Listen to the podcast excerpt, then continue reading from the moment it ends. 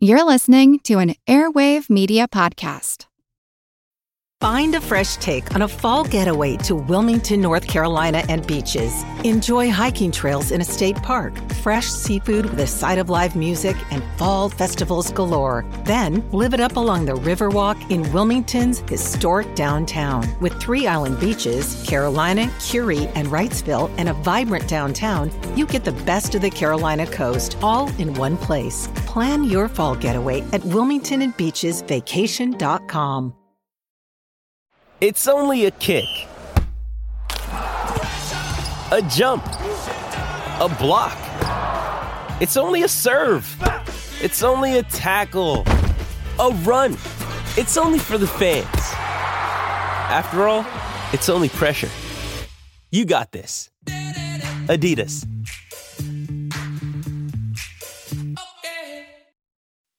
You're listening to an Airwave Media Podcast.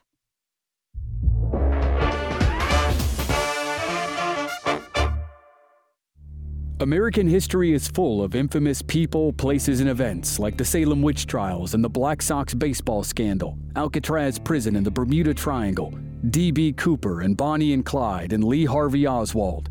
I'm Chris Wimmer. Join me on the Infamous America podcast for stories of some of the darker and more controversial chapters of American history, all told with cinematic music and sound design.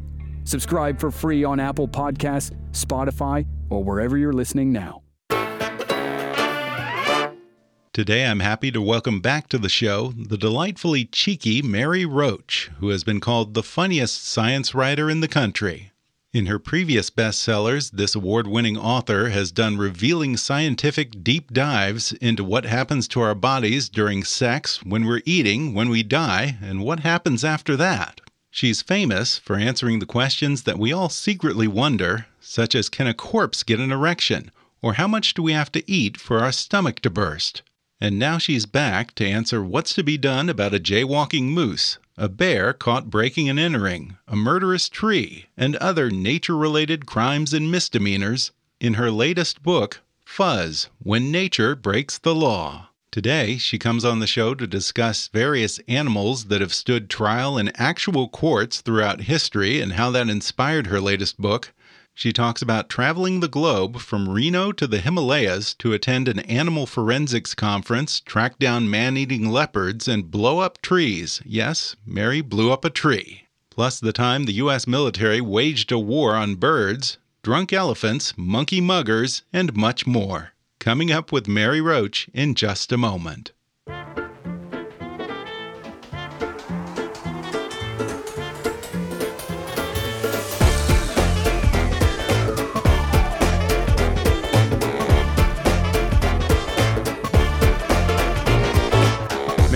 Mary is the author of five best selling works of nonfiction, most recently, Grunt The Curious Science of Humans at War. Her writing has appeared in Outside, National Geographic, and the New York Times Magazine, among other publications. And now she investigates the unusual encounters that happen when humans and animals intersect in her new book, Fuzz When Nature Breaks the Law. Mary, welcome back to the podcast. Oh, thank you so much, Ben. It's great to be here. It's great to have you. And, you know, it's funny, the title makes me think of these many cases prior to the 20th century, or even in the early 20th century, I think, of animals who were criminally tried in actual human courts and punished, often lethally punished. You talk about that a little bit in the introduction. Some of these stories are just too absurd, and I've always found them fascinating. Do you have a favorite? I do have a favorite. There was the case, it was 1659, and it was in a province in northern Italy and Lombardy, in fact, which got uh, a lot of attention because in the early days of COVID, the rates were high. But anyway, going back to 1659, there was an infestation of caterpillars, which were eating the lettuces and plants as, as caterpillars will do. And the locals um, posted summons on trees in the area, telling the caterpillars to appear in court on a set date, at which point they'd be assigned legal representation. and when I saw this, this book, this is a, a book, a 1906 book that collects all these stories. And I initially thought this has to be a hoax, but it's very well documented. They've got the appendix as all these, you know, these in Latin, these these um, transcripts and writs of ejectment and, and all kinds of just actual. It's, it's very well sourced, is what I'm saying. It's not made up, but it seems made up. but anyway, so so yeah, the uh, needless to say, the caterpillars did not turn up in court. They pupated as they yeah caterpillars were due, and the damage stopped. And I think all parties were satisfied. Uh, but it was bizarre. And there were a lot of cases of uh, pigs attacking small children. And I guess I, I, don't associate pigs with, with attacks on small children, but I guess that it was something that happened fairly often, and the pigs would be executed. You know, wow. there were there were there were hangings, yes, as you said, and there was there was imprisonment. They would thrust legal documents into the burrows of, of rats, telling them to leave. it was, you know, and I it wasn't that they were simple minded. It was more, I think that the way the author explained it was that it was this the powers that be in these communities showing off, saying, you know, we even have dominion over nature. Oh, we interesting. can command. Yes, we we make the rules and they apply to everyone, even the caterpillars. That's how strong we are. That's how important and powerful we are. So that's kind of how it how it was explained because otherwise it just seems daft. Did you really think the caterpillars were going to show up? And weevils, there were cases against weevils and just it, just the appendix. I mean, the index is quite amazing. You can go species by species so that and that was that how I kind of got into this. That was one of the things I stumbled onto where I thought, obviously, the law isn't the way to deal with this. Maybe maybe science. I don't know. Yeah, I mean, at least back then, animals got their day in court. I mean, a lot of times today, we just put animals down. they never get to put on a proper defense. But uh, that's interesting that this sort of inspired this book, all of these ancient stories, you know, from the 1600s and so forth of a- animal crimes, so to speak. Now, of course, sometimes animals do kill or they're suspected rightly or wrongly of killing a human being, that's when something called animal forensics comes into play. And now you attended an animal forensics training seminar in Reno that was put on by an agency, unfortunately, with the acronym WART. What is WART and what's that crowd like at one of these events? I can't even imagine. Yeah, uh, WART was amazing. They they invited me to come. WART stands for Wildlife Human Attack Response Training. So it was classwork and also field work with fake crime scenes. This is a predator attacking a human, killing a human. And these are the people who are the first responders who come on and secure the crime scene. I'm using crime in quotes here, uh, the crime scene, and try to figure out what happened what species first of all and then which individual animal and which is it's great that they actually try to make sure and match the victim to the specific animal because sometimes that's not clear. Sometimes they get the wrong species sometimes they get the wrong bear and that's not fair. So they do uh, they do a fair amount of work in, in that realm which i had no idea. This was all new to me. These are folks they're, they're people who work for wildlife agencies fish and game agencies up in canada where there's a lot of bears they're called wildlife conservation officers.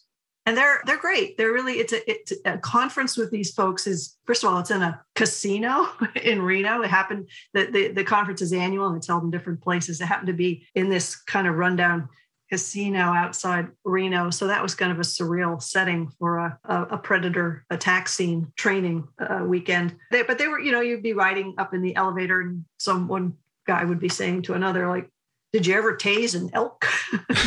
you know, just a lot of great eavesdropping. Um, yeah, but it was really fascinating. I mean, I'm I'm kind of a forensics nerd, and this was a brand of forensics I wasn't familiar with. You know, just like how do you how do you do this? Yeah, yeah. Now we use crime in quotes here, but there there are a lot of cases, or some cases, where people get away with murder because the investigators assume that it was the work of an animal, or people end up wrongfully convicted and take the fall for the animal's actions, such as the famous dingo baby case. This can be pretty serious stuff. And now even DNA is getting into it, just as with other crimes. uh, well, there, uh, like you mentioned, there's cases of uh, wrongful conviction. There was a case in which a, a cougar was assumed to have killed a man based on the these puncture marks on the neck. And, and a cougar or mountain lion does typically kill with a bite to the neck. That is what they do. But the configuration wasn't right. I mean, to anybody who knows what that looks like, you know, there, it's a sort of telltale triangular puncture mark. These were not triangular, they weren't placed correctly. But anyway, they called it as a mountain lion attack. And that mountain lion, I don't know whether that lion was found and killed, but years later, this guy serving who did it was with an ice pick, in fact, was serving time for something else and bragged about getting away with that killing and uh, thought it was, you know, hilarious that they convicted a mountain lion. Right. Wow. Now, when you were spending time with Wart, you actually got into kind of uh, what what kind of evasive techniques and safety techniques one would employ when dealing with a dangerous animal, and you actually spend a good amount of time dealing with bear incidents in this book, both petty crimes and capital offenses. Let me ask you, I was always told that you want to play dead if you run into a brown bear. And I forget what it is with a black bear. You want to look big and try and scare it off or something. Although I may have that backwards. What is the real thing? No, you have that right. The ditty that, that people are told, uh, which I was told long ago, was if it's brown, lay down. If it's black, fight back. This isn't great advice because uh, a black bear, the species, the black bear, they're often brown. and grizzlies are often very dark. So it's very hard to tell what you're dealing with if you don't know much about them. The best way to identify them is by the length of the claws. But if you're close enough for that to be something you can really make an assessment of, it's probably not going to be very helpful. Uh, what I was told by one of these folks who deal with this all the time up in Canada and BC, British Columbia, the most important thing is to distinguish what kind of attack it is. If it's um, defensive attack. Uh, it's usually like you've surprised a black bear, you've made it feel threatened. So it's going to try to be really scary. It's going to like come at you. It's a bluff charge. So it's going to just rush at you, look really scary, but not actually going to go all the way through and attack you. So and the ears will be forward; they won't be flat. They're, I mean, it might be difficult to kind of make that call in, the, in that instance, but you know, you try to stand your ground, just sort of talk calmly and back away. Like I get it you want me to back off? I'm backing off, is sort of what you do with a bear. And a predatory attack is so uncommon with bears. They're just not, they don't stalk humans for food. okay. right. Don't they eat berries and um, stuff like that? Bears.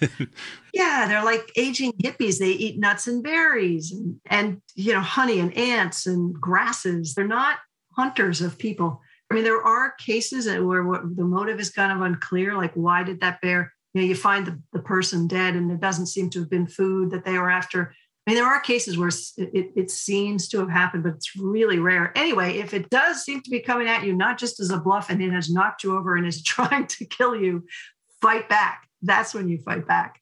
You know, go for the face, go for the eyes, just do do whatever you can to show that you mean business. So you don't you don't lie don't lie down at that point. I mean, you know, you cover a lot of bear incidents, whether it's, you know, a mauling or just kind of nuisance situations, which happen as we start to encroach on their territory with development and so on. Is it safe to say that most of the bear incidents that happen are largely due to human error. I mean, we don't secure our trash bins. We leave our doors open. We don't know how to properly handle a bear encounter. We have the wrong kind of doors. Apparently, French doors are a bear's best friend. I mean, is a lot of it on us, really? Well, yeah, there are so many things that you can do or forget to do. Like the, the French doors, they call them, the French doors have the handles that you just push it down and then push the door. A bear can do that really easily. Uh, the building codes in bear country, for example, Pitkin County in Colorado, where Aspen is, you know, which is a it's a ski area. So they're up in the mountains. They're in bear country, and bear break-ins are amazingly common. And uh, the building code tells you not to use French handles. They call them bear handles. Uh, and even uh, those hollow doorknobs, because the bears can crush them in their teeth and then turn the knob. Oh, wow. Yeah.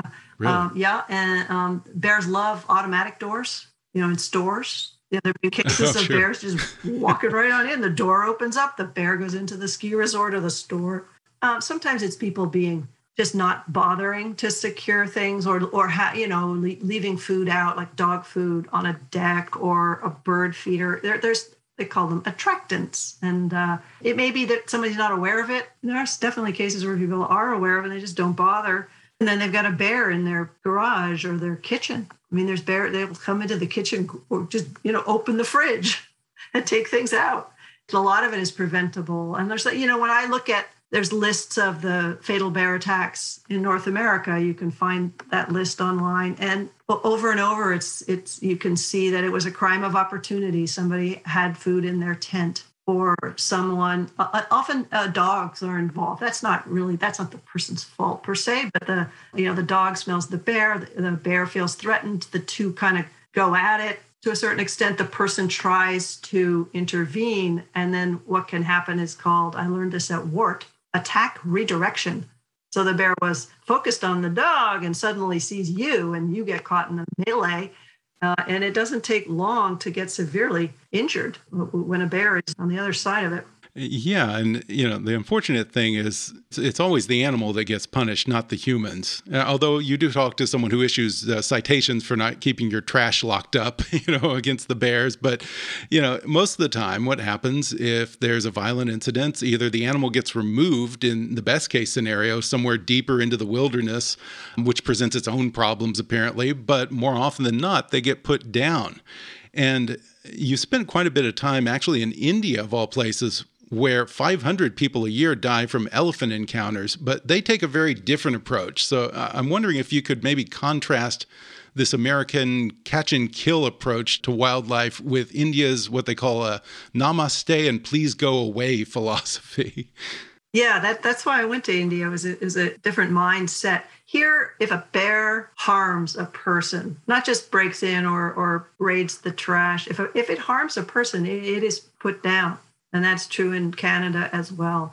And India, they're more lenient, uh, specifically the leopards. There are leopard attacks, like predatory attacks up in the middle Himalayas. For various reasons, it's becoming more common there. But they wait till there's a certain number of kills before they intervene and they uh, sometimes will take the animal and just put it sort of put it in a kind of put it in prison. So it's not a death sentence it's a prison sentence. So the, the, that may happen sometimes. But with the elephants part of this comes down to uh, hinduism because with elephants i mean the elephant the, the, the god ganesh is, is an elephant. I mean i don't know if you call it the avatar but anyway it's a it's a, the, the elephant is a deity animal. So it is has a lot of reverence and, and, a lot of positive feelings associated with it. This is also true with the macaques, the monkeys that do a lot of mischief and, and breaking into people's homes and stealing things and just really irritating people a lot, a great deal. Though, but they're uh, because of Hanuman, the monkey god. They're they're they're they have a reverence. They actually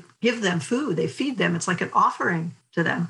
So yeah, it's a it's a different mindset. It, but but still, the, you know, these are for the people who are the recipients of these actions, particularly the leopards. They sometimes they'll take matters into their own hands if their family members are being killed. So sometimes there's sort of a vigilante um, approach that happens um, with the, with the leopards. With the elephants, it's it's uh, as you said, namaste, please go away. They're they're more patient, they're more tolerant. The government has a compensation scheme. So if you're if you're crops are trampled by elephants, if, if there's damage that's done by the elephant, you or someone is killed, they there's a payment, uh, like a lump sum from the government. Well, that's the plan. Yeah, I don't know how prompt they are in carrying that out, but that is that's that's their um, approach there, rather than straight away killing the animal. We're going to take a quick break, and then we'll be back with more when we return in just a minute.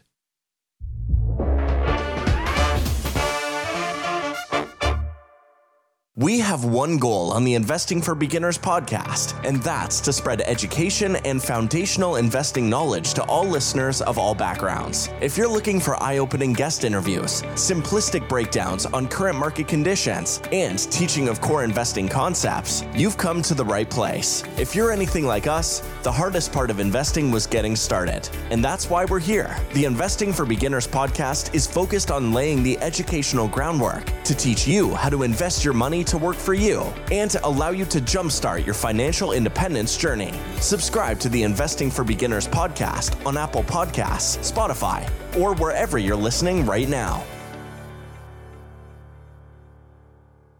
I traveled through time to tell you this.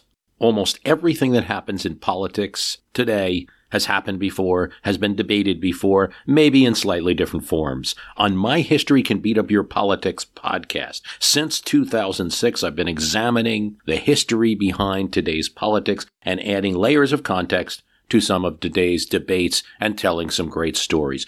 I'm Bruce Carlson. Join me at www.myhistorycanbeatupyourpolitics.com or wherever you get your podcasts, Apple Podcasts, wherever else you get your podcasts from. Learn how George Washington and FDR supported vaccines in their time. Warren Harding or Ulysses S. Grant took stands on racial justice. John and Abigail Adams and what they had to say about free speech and the press. What Abraham Lincoln had to say on that what were the conspiracy theories that had to be debated during the debate over the Constitution? Were things more partisan or less partisan in the past? We're balanced on My History Can Beat Up Your Politics, so I promise you won't be infuriated even if you don't agree. We take a balanced approach. So listen, www.myhistorycanbeatupyourpolitics.com. Well, I was interested to read that one problem that India has that we don't have here is uh, drunk elephants. Now, I just have so many questions here. How do they get drunk? What kind of drunk are they? If drunk humans have hallucinations about pink elephants, then what do drunk elephants see? like, I have to I ask more about this. Oh, the drunk elephants. How do they get drunk? They do love a snort. The elephants. They like they like booze, and some of the farmers will do their own sort of homegrown. It's homebrew called haria. It's homebrew made with some grain and and and, and in order to keep the elephants from breaking into the pot they bring it into their home now the elephants will be like i can knock that wall down no problem because the elephants smell it you know it's alcohol it's fermenting it's very odoriferous so there's there's cases where people have been home sleeping and suddenly this elephant comes through the wall these are not very well constructed homes i should point out but the elephant you know knocks down the wall to get to the hooch, and the, in the process, people have been uh, injured or killed. Saw, there was a paper about elephants drink alcohol and elephants, and they when they get drunk, they tend to, for the most part, they're kind of a pleasant drunk. They wander off on their own and lie down, or they wrap their trunk around themselves. I liked that one, or they kind of sway back and forth. Um, but there are uh, aggressive drunks. The lead matriarch elephant of the herd can get aggressive, as uh, also you, you don't want to be around a, a male elephant in musth, which is that sort of a testosterone crazed period where you definitely want to steer clear under any circumstances, but particularly a drunk elephant in musth, M U S T H, I think it is. I read somewhere, and I don't know if this is true because this was not a, a, paper that I'd come across, but somewhere else I read that they don't have the enzyme that you need to break down the alcohol, so they're an easy drunk. Like it takes less than you would. Think. An elephant's huge. You would think it would take a you know 50 gallon drum, but it's not as much alcohol as you would think. I think the amount is somewhere in the book. Well, I have to go back to the macaques then. Um, on a scale of animal crimes, uh, there's also a ton of petty theft and misdemeanors, such as these macaques of Delhi. How much of a nuisance have they become? Apparently, they even sort of ransom people. They're basically doing muggings and then ransoming valuables for food, right? Yes, they do. They they work in gangs, so they're a little intimidating. I was mugged by a macaque, but we can get to that later you know, they're very quick. They come out of nowhere and they grab your glasses, your sunglasses, or your cell phone. And then uh, if you're if you live around where there are macaques, you know what to do, which is you get some fruit or some soda pop or so just something sweet and tasty. You hold it out, and then the macaque will drop your phone and take the, the what you're trading for. It's you're the ransom basically. It's it's um they they'll ransom your phone. Wow. Yeah. And apparently there's quite a trade in sensationalist monkey stories among kind of tabloid press in India, which makes me think of like, I don't know, a few years ago, remember the monkey man was a thing for a while and it turned out to be a myth. And the monkey man is bizarre. It was like viral hallucinations or something. That was, yeah, I wanted to do a story on that, but I never did. But uh, the monkey man, yeah. But, but the macaques, the, the headlines are kind of like some of them were like macaques marching in armies from here to there. You know, there there was a story that a, the macaque had stoned a man to death in one tabloid. But then you looked at another, a little bit less sensationalistic news account. The man had been napping outdoors near a pile of bricks. The macaques ran over the pile of bricks, started a cavalcade of rocks or bricks, I'm not sure. Anyway, which fell upon the man. So he wasn't stoned.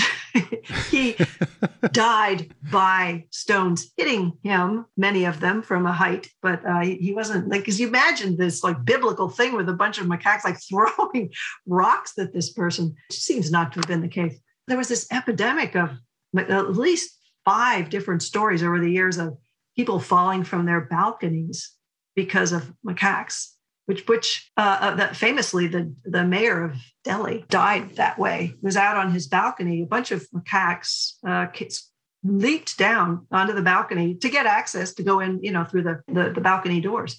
But he apparently, I don't think there was an eyewitness, but he tried to fight them off or keep them out, or else just lost his balance. But he fell off the balcony. There was one that was quite horrifying. As far as I could tell, was true. A macaque snatching a baby that was breastfeeding so they're yeah they're they get into a lot of mischief and make people miserable. And the city you try the city doesn't deal with it very well. It's not an easy thing to deal with. I mean what they do now is uh, pay monkey catchers to relocate them to this sort of sanctuary in the south southern part of the city. Uh, but they but it's very hard to hire monkey catchers because of the religious overtones and uh, nobody wants to be the person doing not that it's necessarily harmful for to, to catch the monkey and, and take it to this preserve but uh, it just has a bad what do you do for a living i trap monkeys Ugh. Well, uh, another portion of the book is dedicated to bird related problems, of which there are many apparently. There's obviously like the crows eating farmers' crops. And one thing that I learned in your books is that scarecrows really aren't that effective and may even attract crows because crows then associate them with the crops and the food. But beyond the scarecrow, there have been some pretty creative and bizarre attempts at crow deterrence, including, wait for it, folks, crow bombing. Um, how long was this a thing in the US and was it effective? Crow bombing. Crow bombing, was early part of the last century, uh, crow bombing was in the 30s and 40s, maybe up through the 50s. Crow bombing was kind of what it sounds like. Crows and blackbirds and the, these birds have huge roosting areas. They, they settle down in these stands of trees, and there'll be thousands of them spending the night and then they go off in the day to eat the farmers' crops, which pisses the farmers off. So, what some of these communities were doing, with the help of the people who, who had titles like wildlife conservation, they would uh, string up these uh, homemade dynamite, you know, dynamite in an ice cream carton or whatever, like, you know, a string of dynamite through the trees during the day while the birds were gone. And then when they come back to roost, uh, setting it off and you know, killing thousands of crows at once there was uh, there was a paper where they had they had statistics um, between it was a thir- 1930 something to 40 something 3.8 million birds were killed and it had no effect on the population in, at large or the amount of agricultural damage or the populations of uh, ducks because part of why people were pissed at the crows is there was a belief that they were eating duck eggs and there wouldn't be enough ducks for the hunters to shoot. like, no, we want to, oh, we want to kill those. Um, so uh, it doesn't work. On top of being a brutal thing, I mean, because the, the, number of birds that were not killed instantly but just maimed was a huge number. It was a ghastly scene, but uh, but yeah, it was it was it was a thing. Yeah, it is interesting what you mentioned a moment ago how, you know, a lot of times wildlife conservationists and, you know, a lot of these state fish and wildlife departments make the bulk of their money from hunting licenses. And you describe how even their offices are inevitably always decked out in animal trophies. Do you think it's a little hypocritical that the very people charged with protecting both the people and the animals are also so deeply tied to the killing of animals? Well, it just dates back to the origins of, of conservation, wilderness conservation. It was an effort to, to set aside large, beautiful tracts of land for hunting. And I mean, it sounds kind of barbaric and it is sort of ironic, but there, there are parts of California where, in the middle of the state, there are these wetlands where birds stop over incredible numbers of snow geese and gadwalls and dozens of kind of ducks. It's an amazing place for bird watching, but it's also uh, uh, there are hunting lodges and duck hunters and people who go to hunt there. So the, and it's been preserved for hunting, but it's also something that's enjoyed by hikers and bird watchers. And it was funny. I was out there with someone from California uh, Department of Fish and Wildlife, and as I left this area of these just beautiful wetlands that really, this was what California once looked like. And the, you drive out of there and it becomes just flat out agriculture. It is just boring, flat crops. And, and so I, I, felt kind of a debt of thanks to these hunters who had set aside this land, although they take, I mean, and it's just huge numbers of birds. The, the take by the hunters is, is fairly inco- inconsequential. So it's kind of a tricky, yeah, it is an irony that wilderness and wildlife conservation is so closely tied and funded by hunting and fishing, licenses and taxes on gear. And there's been a movement to, to separate that funding so that there, there's money from the government to support conservation. And so you're trying to kind of um, make wildlife conservation and management a little more independent of the hunting. But yeah i, I definitely hear what you're saying. It, it, it is bizarre that, that that's how it came about. And the history of conservation is fascinating. Uh, on the flip side of that, not surprisingly, under Pope Francis, the Vatican has taken a decidedly benevolent and progressive approach to, for instance, their seagull problem. Yes, the Vatican has a seagull problem. Folks can read it in your book, and other nuisance creatures within their boundaries but that apparently doesn't apply to rodents. You spoke to someone over there, and they, quote, have to do an action against rats, meaning, I assume, killing them. And this led to this fascinating philosophical discussion between you and an official from the Pontifical Academy for Life about when it's okay to kill. That poor guy. Could you just tell that he so didn't want to be having that conversation with you? He was so patient, Father Carlo Casalone of the Pontifical Academy for Life, kind of a think tank, Catholic Church think tank and policy making organ and it's it, what I love about the Pontifical Academy for Life is that even though it's outside the boundaries of Vatican City, it's down about four blocks down from the border of Vatican City in Rome. When you are in the PAL, you are in the Vatican, even though it's outside, it's inside. And so it's a, uh, it's under this weird transubstantiation. So yeah, well, see, I was there anyway, and I thought, well, now that I'm since I'm here, I've what I wanted to do was talk to the Pope himself, but of course I got nowhere. It um, managed to get an interview with somebody from the Pontifical Academy for Life. And um, the, and the, the, media manager was incredibly welcoming. He's like, yeah, absolutely, we would love to. And he sent me some writings uh, from you know the encyclical about the importance of conservation that, that, Pope Francis had written. And so we sat down to have this conversation. And uh, you know, he, he was talking about Saint Francis, and he was a friend to all the animals, and he referred to them as you know, sister moon and brother deer. And I said, and what about brother rat? Did he talk about brother rat? He's like, no, I don't know what. and I was like, is it okay? Is it is it okay to kill a rat? You know, I was I was so I, I was just a very annoying presence in his day, but he had you know he had lovely answers for all of my questions. Yeah, and, and apparently the Vatican uses lasers against seagulls. People can look that up in the book. I know we're running out of time. Now, all of these measures seem to focus on things like population reduction, lethal measures, relocation, hazing, apparently as well.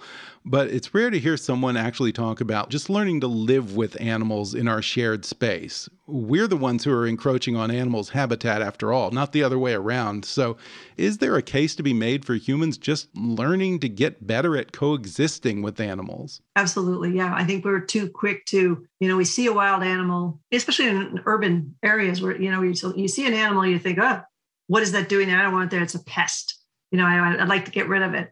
And you call somebody to do that, and they trap it and take it away, and, and you don't want to think about it. Like, what is it? What's going to happen to that animal? Well, probably not going to be a, a lovely end. And you, there are people, there are wildlife control operators who do humane things. Like if an you know you've got an animal in your attic that's keeping you awake at night and possibly chewing on the wires, that's uh, understandably you want that out of there. Not killed though. I mean, speaking for myself. And this is a problem you dealt with personally, I think, right? exactly. Uh, so I think we all would do well to first start with asking is there some way to to coexist here? Could we uh, figure out where the animal's getting in and block that hole and just have the animal uh, around out in the yard? For example the roof rat that i encountered uh, in the book uh, in my yard in on my deck and later inside the walls. There, if you can figure out using a wildlife camera you know, how is it getting in? Uh, you, there's, you can plug those holes with various things like steel wool that they can't gnaw through there's products for that. There's people who can help you with it. Put a one-way door so that if there's a squirrel with babies, the squirrel goes out, you know, so that you're not plugging up the holes with the babies inside and the squirrel outside. There's people who come and put a one-way door, and then and then they, you know they'll trap the animal, but then just let it go in your yard not, not taking it somewhere where it has no idea where it is, where it's in some other animal's terrain. So there's a lot you can, yeah, a lot you can do. And also just, I remember I went to hike with a friend that day. I saw that rat run across the deck. A roof rat is a pretty cute animal, also, I should say. It's not like a sewer rat. It's about, uh, it's essentially a squirrel with a naked tail. Very cute. But I said, I told my friend Cynthia, I saw a roof rat on the deck because we, you know, in Oakland, in the areas that have trees, we are seeing, we had sort of a spike in the roof rat population. And she said, Is that a problem? Like she just was like, "What's so what?" And I was like, "Yeah, you're you're right." Well, then eventually, of course, it got into the wall, and it did become a problem, but one that we solved. But I, I I think the bigger problem is when animals interfere with the livelihood of somebody, a rancher or a farmer, who, and there, you know, there's an emotional component. If you know, if you raise sheep for a living, and you know, sheep are kind of your world, and, and you've got a coyote or a wolf taking sheep, you know, it, it, it's not just your livelihood; it's also an emotional thing, and it's it's tough to kind of judge. It's hard for me to judge those folks not knowing what that world is like but uh, that what's what is a good thing is that there've been there are a number of coexistence, carnivore human coexistence organizations that try to bring groups together. You know, ranchers, farmers, even backyard chicken breeders. You know, people bring so just to like to have conversations and to think about solutions rather than just calling wildlife services to have them killed. Good news is that wildlife services is in, in 10 or 12, I think, states is hiring non lethal specialists, not just to pay lip service to you know, non lethal solutions, but to do some of them, like range riders and people who you know help you build safer nighttime enclosures so that coyotes or mountain lions or wolves don't take your animals. So so there so the culture within wildlife services that's the usda's kind of the people who go out and help ranchers deal with these problems quote unquote problem and surprisingly, some of these ranchers are pretty open minded. You wouldn't think that. You spoke to one, or, or a farmer, I guess, maybe not a rancher, who uh, it was kind of just like, you know, rats happen, it's a farm, you know, and the shrinkage is not that big a deal. So much gets blown away by the wind. So. Yeah, yeah, exactly. Well, Mary, this is just such a fun read. I really recommend it to people. And by the way, I should mention that your books always have the weirdest and most fascinating footnotes. As soon as I finish your book, I always go back to reread the footnotes because I'm just one of those people who loves lists of weird facts like that. and there's one especially about Mussolini in there that I love, and I'll let people find that on their own. But uh, oh, that's right. Yeah, see, he used uh, castor oil as a torture device, basically leading to people shitting themselves to death. So. Yeah, the footnotes are always very fun. That's just me indulging myself. It was like I, I can't can't leave this out. This has to go in somewhere. I love it. Well, the book is called Fuzz When Nature Breaks the Law. Mary Roach, it's always a pleasure. Oh, thank you so much, Ben. It was fun. Thanks for having me.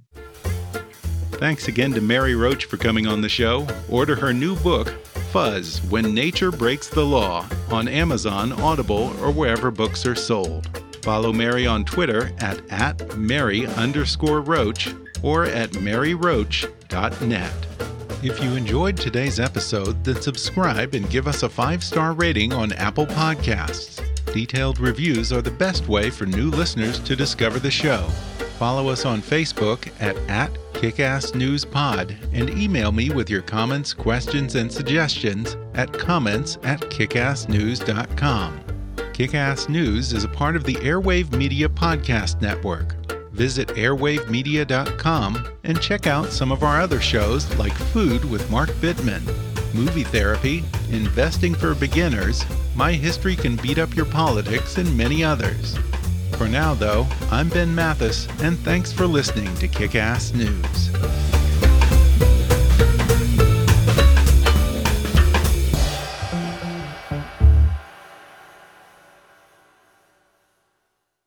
Airwave Media Podcast.